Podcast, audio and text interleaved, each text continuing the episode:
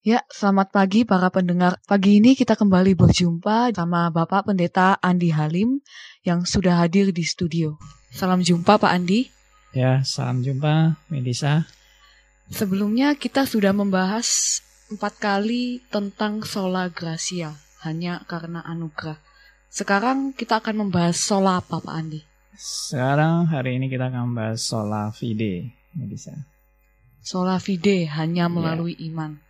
Ya. Sila, saya persilakan langsung Pak Andi. Ya, kita bersyukur pada Tuhan atas anugerahnya yang selalu memelihara kita apa pun keadaannya. Dan mari kita berdoa, kita mohon pimpinan Tuhan di dalam pemberitaannya pada hari ini.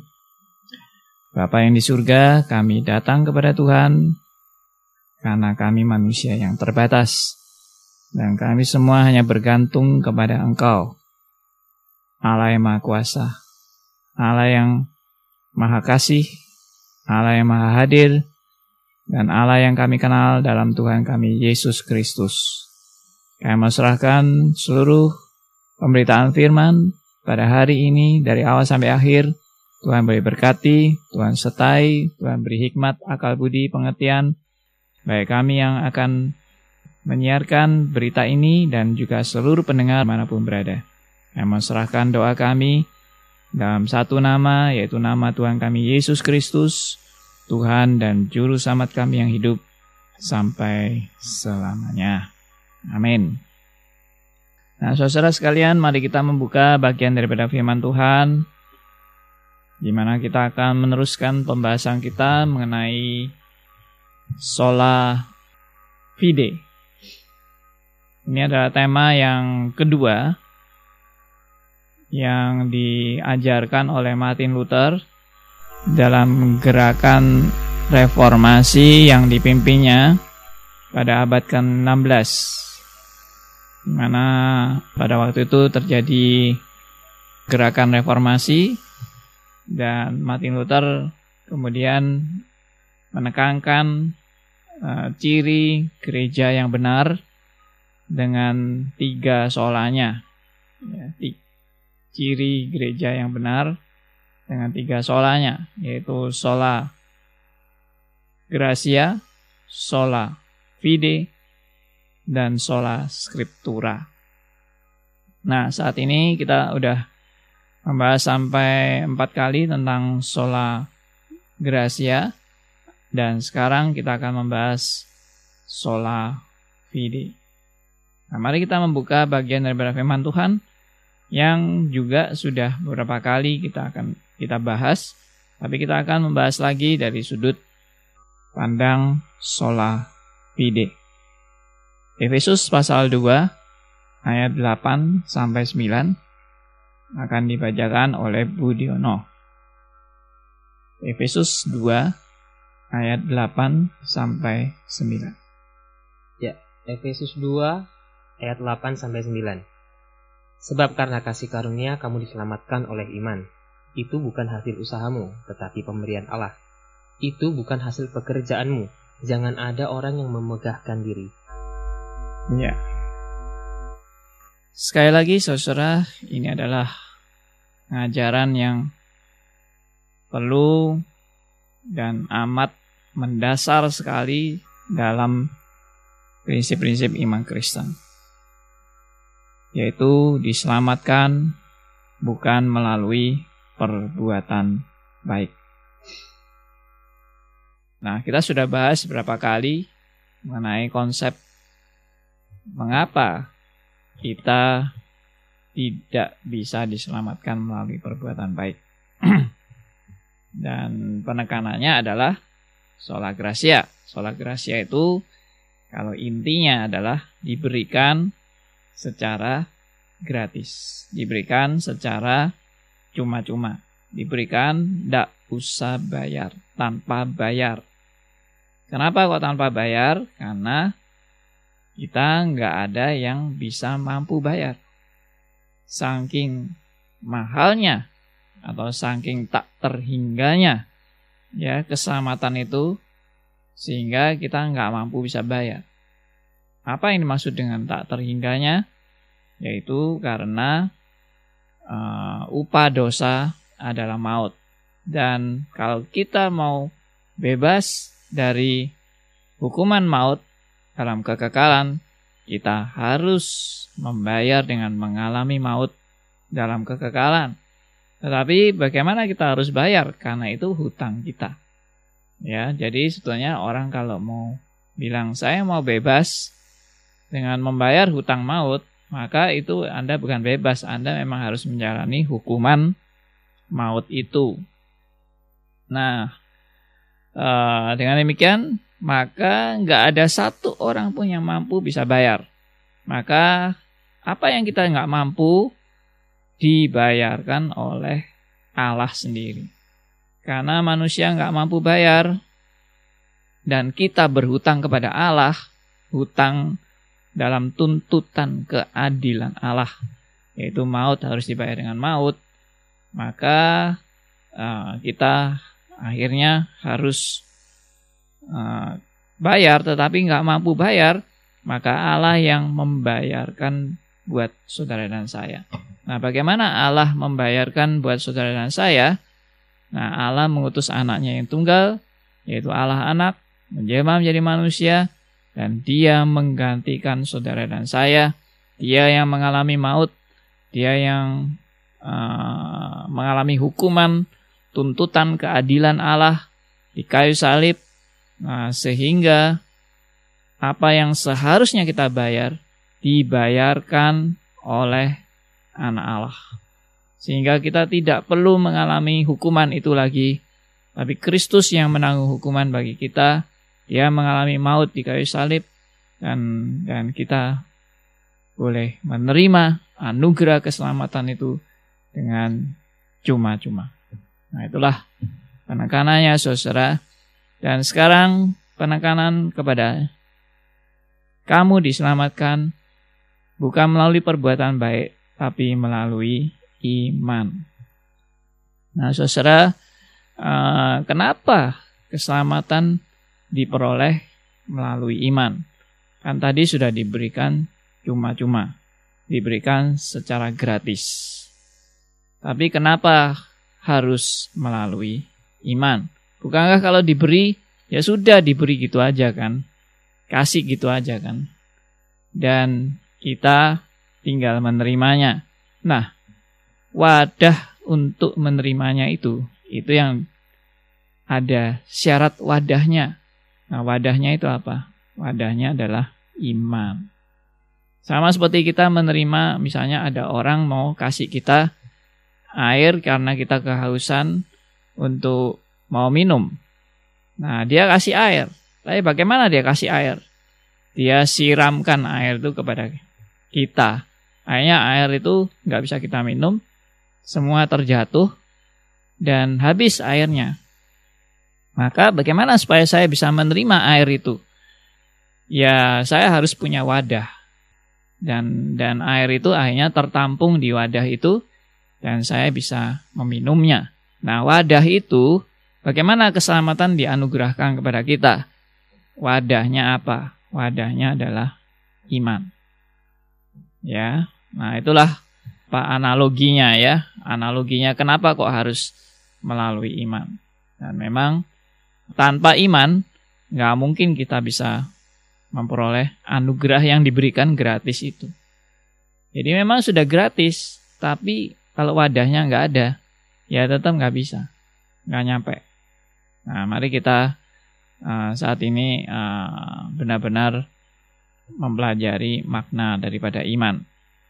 Nah, saudara, kembali lagi kepada pengertian iman. Apakah iman itu? Iman itu kalau mau diartikan secara sederhana, iman itu adalah percaya. Percaya. Nah, jadi sebetulnya nggak nggak terlalu rumit membahas tentang iman, tapi juga tidak tidak sembarangan bisa menerjemahkan iman karena e, pengertian tentang iman ini juga banyak orang yang keliru. Ya. Jadi katanya ada iman untuk menyembuhkan misalnya begitu. Ada iman untuk sukses, ya. Ada iman untuk keselamatan. Jadi iman tuh dibagi-bagi juga. Iman kesembuhan, iman kesuksesan, iman uh, kemakmuran mungkin ya toh, iman uh, bebas dari segala penyakit dan sebagainya. Lalu ini ada iman kesembuhan. Uh, saya pikir itu itu terlalu apa ya? terlalu kreatif untuk mengembangkan makna-makna iman yang sebetulnya Alkitab tidak memaparkan kebenaran-kebenaran tentang iman kesembuhan, iman kesuksesan dan sebagainya itu nggak ada. Yang ada adalah iman keselamatan, ya, iman keselamatan. Nah, e, sebetulnya e, iman itu sendiri apa sih artinya? Iman itu sendiri artinya adalah tadi percaya. Nah, percaya kepada apa? Percaya kepada janji Allah. Atau percaya kepada firman Allah. Nah, jadi sebetulnya Sederhana sekali pengertian iman itu. Saya percaya bahwa apa yang Allah katakan atau apa yang Allah janjikan itu akan benar. Itu adalah benar, bukan akan benar. Itu adalah benar dan akan digenapi. Pasti akan digenapi. Janji Allah tidak mungkin diingkari dan janji Allah adalah janji yang paling bisa dipercaya dan aku percaya. Nah, uh, bagaimana janji Allah itu? Janji Allah itu adalah barang siapa yang percaya kepada Yesus sebagai Tuhan dan juru selamat pribadinya, maka dia akan diselamatkan. Nah, itulah sola fide. Hanya percaya aja. Kamu cukup dengan percaya bahwa memang betul-betul karya Kristus di kayu salib itu adalah kebenaran yang membawa kamu kepada keselamatan. Bahwa karya Kristus di kayu salib itu adalah karya di mana Allah mengasihi kita dan memberikan anaknya yang tunggal. Dan Kristus datang untuk menebus dosa saudara dan saya. Kristus datang untuk membayar hutang yang saudara dan saya uh, harus bayar tetapi Kristus yang menggantikan. Ya, kata menggantikan itu istilah teologisnya adalah substitusi. Saya yang seharusnya bayar, tapi saya yang seharusnya bayar digantikan oleh Kristus yang mau bayar. Jadi saya nggak perlu bayar, Kristus yang bayar. Nah, apakah Anda percaya bahwa Yesus adalah Tuhan dan Juru Selamat pribadimu yang menyelamatkan kamu yang berkarya di kayu salib membayar hutang tuntutan keadilan Allah yaitu maut harus dibayar dengan maut maka saudara dan saya kalau percaya kepada karya sang Allah anak yaitu Yesus Kristus yang sudah turun ke dunia menjelma menjadi manusia dan menggantikan saudara dan saya untuk mengalami hukuman maut di kayu salib. Maka kalau kita percaya, firman Tuhan berkata, kita akan diselamatkan. Ya itu aja sebetulnya sola fide. Ya, mari kita lihat di ayat yang sangat terkenal sekali dan sudah dibaca oleh mungkin miliaran orang dan orang juga mau percaya kepada firman yang sebetulnya sederhana tapi sangat luar biasa yaitu Yohanes 3 ayat yang ke-16. Nah, ini ayatnya sederhana sekali. Jadi, tapi ayat ini justru merupakan boleh dikatakan uh, inti daripada karya keselamatan Allah bagi umat manusia. Yohanes 3:16 akan dibacakan oleh Budiono. Yohanes 3 ayat 16 Karena begitu besar kasih Allah akan dunia ini sehingga ia mengaruniakan anaknya yang tunggal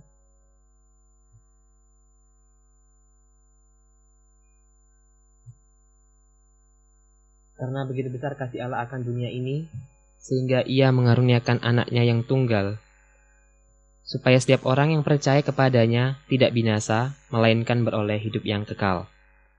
Ya. Nah, uh, dalam hal ini kita lihat ya dari ayat ini. Karena begitu besar kasih Allah akan dunia ini. Nah, ini sudah menyatakan satu uh, satu perisap posisi ya, suatu suatu keadaan sebelum suatu karya. Yaitu apa sih perisap posisi yang mau dipaparkan? Yaitu kasih Allah. Ya. Jadi Allah begitu mengasihi kita.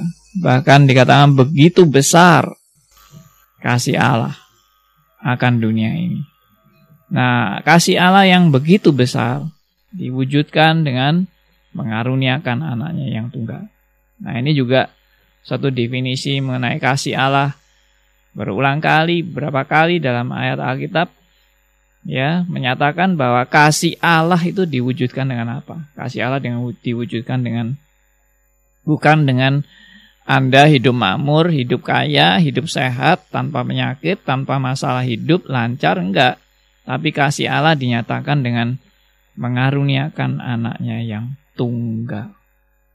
Dan ini adalah hadiah terbesar dari seluruh uh, anugerah Allah.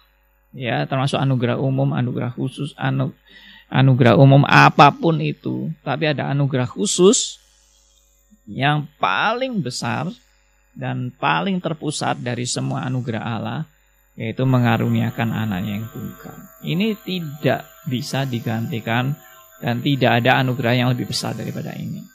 Dan dan kalau kita lebih mementingkan anugerah-anugerah yang lain, misalnya lebih mementingkan kesembuhan, mementingkan kekayaan, mementingkan kepopuleran, ya toh, kesuksesan dan sebagainya, dan kita kemudian mengabaikan karunia yang terbesar ini itu sama dengan kita menghina Allah. Bahwa karunia Allah yang terbesar itu adalah anaknya yang tunggal. Dan ini sudah cukup melebihi dan bahkan berlimpah dan tidak ada yang bisa melebihi hal ini. Maka yang lain boleh lenyap, tapi yang ini tidak mungkin lenyap. Nah itulah karunia Allah, yaitu mengaruniakan anak yang tunggal Supaya, nah ini kuncinya di sini. Supaya setiap orang yang percaya kepadanya tidak binasa. Nah, setiap orang yang percaya kepadanya tidak binasa, melainkan beroleh hidup yang kekal. Ya, puji Tuhan. Jadi ini adalah satu pernyataan yang luar biasa dari Alkitab bahwa kita diselamatkan diselamatkan itu karena percaya. Percaya. Ya, karena kita beriman kepadanya. Percaya kepadanya. Nah, arti percaya ini apa, Saudara? Karena kalau kita bandingkan lagi dengan percaya yang lain, ada percaya yang diungkapkan oleh Yakobus Mari kita baca Yakobus pasal yang kedua ayat yang ke-19. Yakobus 2 ayat yang ke-19. Silakan dibaca. Engkau percaya bahwa hanya ada satu Allah saja? Itu baik. Tetapi setan-setan pun juga percaya akan hal itu dan mereka gemetar. Iya. Nah, ini di sini Uh, nah ini di sini uh, perlu perlu ditekankan bahwa percaya yang benar itu bagaimana? Percaya yang benar itu bukan percaya yang asal percaya. Karena kalau asal percaya aja itu dikatakan di Yakobus ini setan juga percaya. Nah, kalau percayanya kita ini sama dengan percayanya setan, maka itu nggak ada bedanya antara kita dengan setan. dalam hal percaya. Nah, karena itu dalam Yakobus menekankan kamu percaya bahwa Allah itu satu saja, baik setan juga percaya. Dan bahkan mereka gemetar. Setan percaya bahwa Allah itu satu saja. Berarti monoteisme. Ya kan? Berarti setan itu bukan ateis. Setan itu teis. Ya, percaya kepada Allah dan Allah yang satu, bukan politeisme. Ya, tapi percayanya setan kepada Allah tidak membawa mereka pada keselamatan. Nah, kalau begitu percaya yang membawa kepada keselamatan itu percaya yang bagaimana, saudara? Nah, inilah yang harus kita pelajari lebih dalam dan lebih dalam lagi. Ya, banyak orang pikir pokoknya percaya, pokoknya percaya. Ya benar, kita bilang yang percaya akan diselamatkan. Tapi percaya yang bagaimana? Karena iblis juga percaya sama Tuhan. Jadi saudara jangan pikir iblis nggak mau nggak mau percaya, ya. Nah akhirnya ada yang beranggapan menambahkan percaya itu harus ditambah dengan ketaatan. Baru boleh selamat. Nah kalau seperti itu, uh, memang logikanya ini ada ada benarnya logikanya. Maksudnya Iblis itu percaya tapi nggak mau taat sama Tuhan. Makanya mereka nggak diselamatkan. Nah, kita diselamatkan karena apa? Karena kita percaya, bukan hanya percaya aja, tapi percaya plus taat. Baru diselamatkan.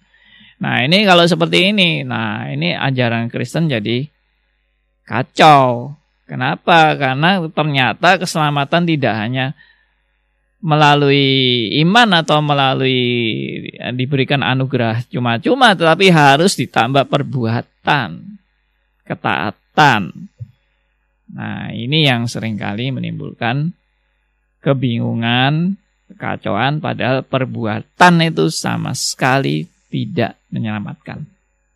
Jelas itu. Kita sudah bahas sampai empat kali di sholat gracia. Nah jadi kita tidak membedakan percayanya kita dengan setan itu adalah bedanya dalam hal ketaatan. Kalau mau jujur, saudara dan saya banyak juga nggak taat sama Tuhan. Kalau mau jujur, saudara dan saya juga banyak menyimpang dari firman Tuhan. Kita juga mau taat 100% dengan hukum-hukum Tuhan, tanpa cacat juga nggak bisa. Karena ini sudah saya bahas pada waktu sholat gracia. Semua kita ini gak ada yang benar-benar bisa sempurna mentaati hukum Tuhan. Jadi itu salah kalau konsepnya adalah kita percaya harus plus taat baru menghasilkan keselamatan. Itu sangat salah. ya. Mari kita baca satu ayat lagi yang menekankan bagaimana perbuatan itu bukan faktor untuk menyelamatkan. Ya, dari Titus pasal 3 ayat 5. Titus pasal 3 ayat 5 akan dibacakan oleh Budiono. Titus 3 ayat 5. Pada waktu itu dia telah menyelamatkan kita bukan karena perbuatan baik yang telah kita lakukan, tetapi karena rahmatnya oleh permandian kelahiran kembali dan oleh pembaruan yang dikerjakan oleh roh kudus. Iya. Dia telah menyelamatkan kita bukan karena perbuatan baik yang telah kita lakukan. Jadi jelas kita mengatakan keselamatan itu bukan karena perbuatan baik. Tapi semata-mata karena rahmat rahmatnya, anugerahnya, pemandian kelahiran kembali oleh pembaharuan yang dikerjakan, bukan dikerjakan oleh kita, tapi dikerjakan oleh roh kudus.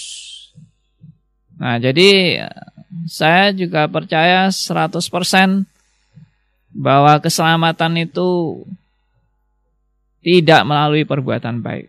Alkitab juga menyatakan kebenaran bahwa keselamatan itu tidak melalui perbuatan baik, tapi hanya karena anugerahnya semata-mata. Tapi bagaimana tadi teori? Apa beda percaya kita kepada Allah dan percaya uh, percayanya setan kepada Allah? Apa bedanya? Bedanya adalah percaya setan itu tidak bersifat trust ya.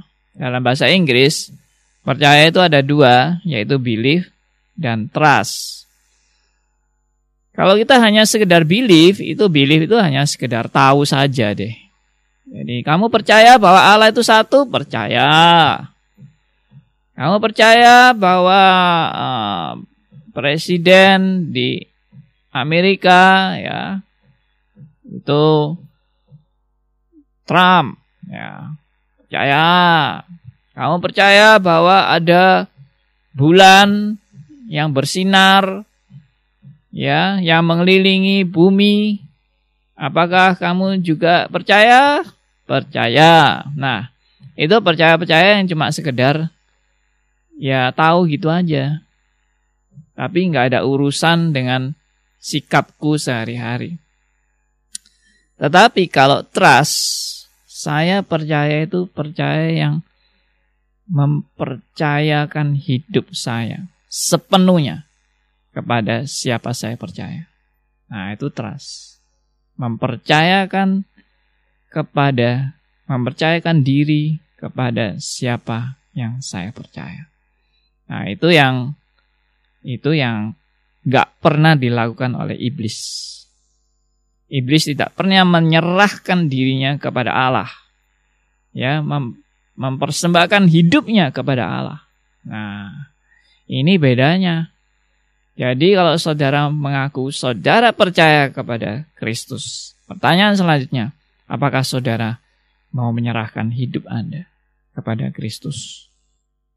Nah, jadi kalau percayanya cuma, oh ya ya percaya percaya, oh dia juru selamat, ya saya percaya dia juru selamat, dia uh, mati buat saya, saya percaya.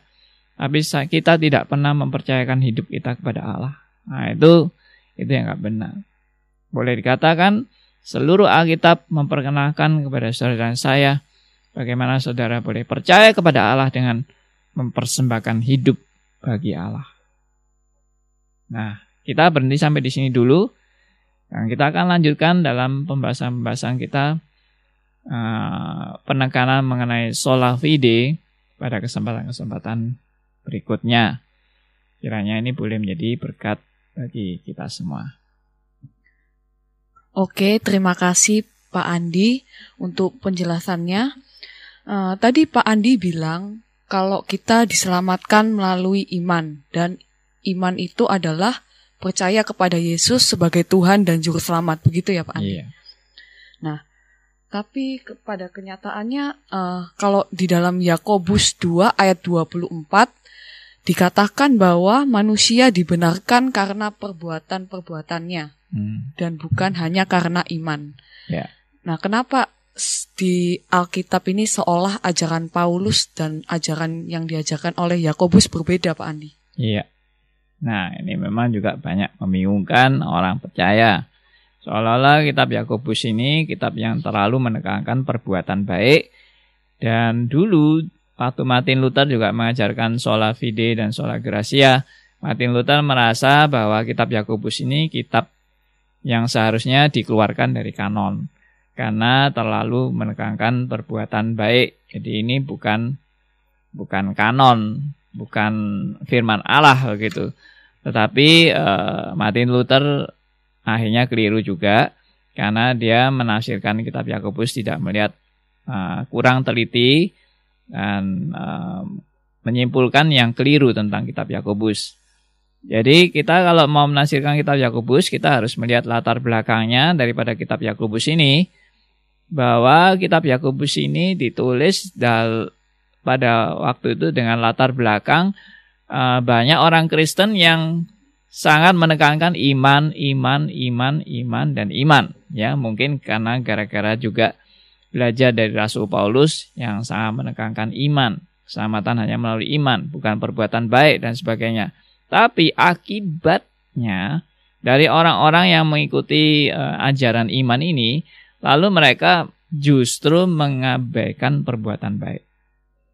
Jadi mereka akhirnya hidup sembarangan, hidup tidak suci, ya, hidup uh, dalam perjinahan, dalam percabulan, atau hidup juga uh, tidak mengasihi sesama, pelit gitu ya, tidak mau peduli dengan saudara seiman, pokoknya Intinya begini, intinya mereka setelah selamat, mereka tetap hidup untuk kepentingan diri mereka sendiri, tetap egois, uh, apa tidak peduli dan tidak mengasihi sesama. Ya, dalam kondisi perbuatan-perbuatan yang bobrok seperti ini. Lalu Yakobus itu memberi peringatan kepada orang-orang yang merasa dirinya sudah diselamatkan karena iman, tapi perbuatannya tidak menunjukkan pada imannya. Jadi ya istilahnya begini ya, ada orang yang bilang, "Kamu sudah selamat, selamat." Ya toh. Tapi hobimu apa? Wah, hobi saya kepelacur, misalnya gitu. Hobi saya main judi, hobi saya mabuk-mabukan, atau hobi saya melakukan kejahatan, merampok, membunuh. Ya, tapi saya pasti sudah selamat karena saya ini orang beriman, misalnya gitu. Nah, ini oleh orang-orang yang seperti ini, Yakobus bilang, "Eh, kamu jangan pikir kamu ini bisa diselamatkan hanya melalui iman tok ya. Tapi kalau enggak ada perbuatan, ya, imanmu itu adalah iman yang mati." Nah, kita lihat dari kitab Yakobus lagi yang pasal 2 tadi. Ya, nah itu ada kata-kata yang penting yang kita harus lihat apa makna daripada uh, diselamatkan uh, tidak hanya melalui iman tapi juga perbuatan. Kita lihat dari ayat yang ke-17-nya. Yakobus 2 ayat yang ke-17. Ya, silakan Budiono. Demikian juga halnya dengan iman. Jika iman itu tidak disertai perbuatan, maka iman itu pada hakikatnya adalah mati. Iya. Nah, ini juga sering kali membingungkan banyak orang. Iman yang tidak disertai perbuatan. Iman itu adalah mati. Sehingga konsepnya gini. Jadi iman aja nggak cukup. Iman itu harus plus perbuatan. Nah, kalau itu seperti itu, maka semua sola itu tadi gugur semua ya. Sola fide, sola gracia hancur semua di situ karena perbuatan dan juga tadi kita sudah baca Titus 3 ayat 5 bahwa kita diselamatkan bukan melalui uh, perbuatan tapi karena anugerah Tuhan, kerjaan Roh Kudus dalam hidup kita. Jadi itu semua hancur semua gara-gara ayat ini. Apakah ayat dengan ayat bisa saling bertentangan dan saling meniadakan? Pasti tidak. Nah, kalau begitu apa pengertian ayat ini? Ya, uh, mungkin apa ini kita bisa melihat dalam terjemahan yang beda ya. Saya akan bacakan dari King James Version. Ya. Even so faith if it had not works, is that being alone. Jadi demikian juga iman. Jika tidak ada perbuatan, maka iman itu adalah sebenarnya mati. Nah, coba ya kalau ini diterjemahkan secara lebih tepat. Jadi kalau dalam bahasa Indonesia ini bisa ditafsirkan yang keliru. Tafsirannya bagaimana? Demikian juga halnya dengan iman, jika iman itu tidak disertai perbuatan, maka iman itu pada hakikatnya adalah mati. Maka orang bisa mengerti gini, kalau imanmu itu, kamu sudah punya iman, tapi kalau imanmu itu enggak ada perbuatan, maka imanmu itu yang kamu miliki itu akhirnya bisa menjadi mati. Nah, ini tafsiran yang keliru, saudara-saudara. pengertian ayat ini bukan begitu. Pengertian ayat ini apa? Jika iman itu tidak disertai perbuatan. Atau dengan kata lain, jika iman itu tidak ada perbuatan nyatanya. Nah, kalau saya terjemahkan lebih bebasnya gini ya. Jika iman itu tidak ada perbuatan nyatanya atau tidak ada wujud perbuatan nyatanya, maka maka yang yang kamu merasa dirimu beriman itu sebetulnya itu bukan iman. Itu itu itu bukan iman, itu iman palsu. Sehingga di sini dikatakan maka iman itu pada hakikatnya adalah mati. Nah, ini juga terjemahan yang sebetulnya bagus sekali. Pada hakikatnya adalah mati. Artinya artinya iman itu bukan yang tadinya hidup lalu menjadi mati, tidak. Tidak. Bukan iman yang tadinya hidup menjadi mati, tapi hakikatnya adalah mati. Artinya dari dulu imanmu itu iman mati. Kalau imanmu itu iman mati, ya nggak pernah ada wujud perbuatan. Jadi imanmu yang kamu merasa beriman, imanmu itu iman mati, bukan iman yang hidup. Tapi kalau iman yang hidup, pasti ada wujud perbuatan. Nah, itulah terjemahan yang paling tepat dalam kitab Yakobus. Bukan iman plus perbuatan. Tapi iman itu iman yang hidup itu pasti ada tanda wujud perbuatannya.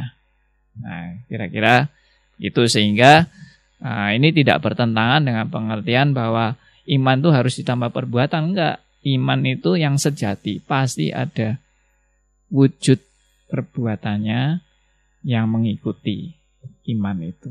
Ya. Ya, berarti iman tanpa perbuatan adalah iman yang palsu atau mati. Yes, ya. Kita berarti diselamatkan untuk berbuah ya, Pak, untuk berbuat baik, bukannya berbuat baik untuk selamat. Betul. Benar. Gitu. Jadi gini, jadi iman yang benar pasti menghasilkan perbuatan yang seturut dengan iman yang benar itu. Jadi uh, uh, iman itu bukan Bukan lalu kalau iman mati ya nggak ada hasilnya. Tapi kalau iman itu hidup pasti ada hasilnya. Nah jadi perbuatan itu merupakan buah atau hasil dari iman yang sejati. Ya. Tapi bukan berarti kalau tidak ada perbuatan imannya jadi mati. Enggak. Kalau nggak ada perbuatan imannya betul tadi iman palsu atau iman uh, yang bukan iman, yaitu iman yang ya iman yang rekayasa atau sugesti daripada kita sendiri. Kira-kira seperti itu. Jadi dengan demikian maka konsep keselamatannya adalah bukan kita berbuat baik untuk selamat, tetapi kita orang-orang yang sudah diselamatkan. Karena itu kita menyatakan keselamatan itu dengan perbuatan baik sebagai satu hasil keselamatan atau buah keselamatan atau uh, satu ya satu pekerjaan Roh Kudus yang sudah menyelamatkan kita pasti menggerakkan kita untuk kita mau berbuat baik sesuai dengan anugerah dari Tuhan. Oh, Oke, okay. kesimpulannya apa Pak Andi ya. untuk hari ini? Oke, okay. kesimpulan hari ini adalah sesuai dengan tema hari ini adalah uh, hanya melalui iman dan iman itu tidak melalui perbuatan baik. Dan kenapa harus iman? Karena iman itu adalah wadah untuk kita bisa memperoleh keselamatan. Dan wadahnya itu apa? yaitu harus percaya kepada Kristus. Jadi kalau Tuhan misalnya mau kasih anugerah kepada kita, ini saya kasih anugerah kepadamu. Tapi kita tidak beriman, kita tidak percaya. Ya, biarpun Tuhan mau kasih, tapi kita kita kita tidak percaya. maka keselamatan itu tidak sampai kepada kita. Nah, ini ini nanti pengertian berikutnya yang akan datang ya. Jadi kalau begitu, wah eh, percaya itu adalah keputusan kita ya. Kalau kita tidak mau percaya, Tuhan juga tidak bisa kasih keselamatan sama kita. Nah, itu juga keliru ya, karena percaya itu sendiri juga anugerah. Kalau kita bisa percaya, itu juga anugerah Tuhan.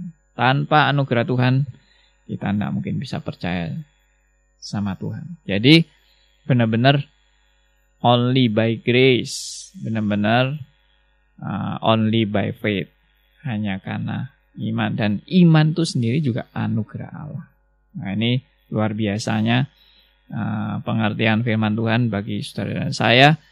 Dan karena itu kita tidak pernah berhenti bersyukur, mengingat akan anugerah Tuhan yang luar biasa, mengingat kasihnya yang tak berkesudahan, yang kita semua bisa mengalami uh, sampai bisa percaya sama Tuhan.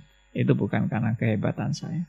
Itu kalau Tuhan tidak merubah hati saya Tuhan tidak merubah cara berpikir saya Tuhan tidak mencelikan mata rohani kita maka kita selamanya tetap buta. Dan kita tidak tidak mau terima kebenaran ini kita anggap ini kebenaran palsu kebenaran yang bohong kebenaran yang nggak benar Makanya uh, kalau sampai kita bisa percaya, itu juga benar-benar adalah pekerjaan Roh Kudus. Nah, kiranya ini boleh jadi berkat bagi seluruh pendengar radio RMC di mana pun berada. Dan mari kita berdoa. Bapa yang di surga, kami sungguh bersyukur, berterima kasih anugerahmu yang memberi kami iman. Tanpa iman, kami juga tidak mungkin bisa diselamatkan. Dan tanpa anugerahmu, kami juga tidak mungkin bisa beriman. Kami masalahkan ya Tuhan semua yang sudah kami pelajari menjadi satu perlengkapan rohani bagi kami untuk hidup berjalan dengan penuh ucapan syukur dan hidup uh, berjalan dengan iman yang oleh anugerah Allah kami juga boleh menjadi saksi-saksi bagi kemuliaan nama Tuhan. Terima kasih ya Tuhan Engkau berkati seluruh pendengar radio di mana pun berada. Tuhan juga berkati rekan-rekan yang di studio supaya radio ini juga boleh menjadi berkat dan menjadi kemuliaan bagi nama Tuhan. Dalam nama Tuhan kami Yesus Kristus, Tuhan dan Juru Selamat kami yang hidup, kami berdoa. Amin.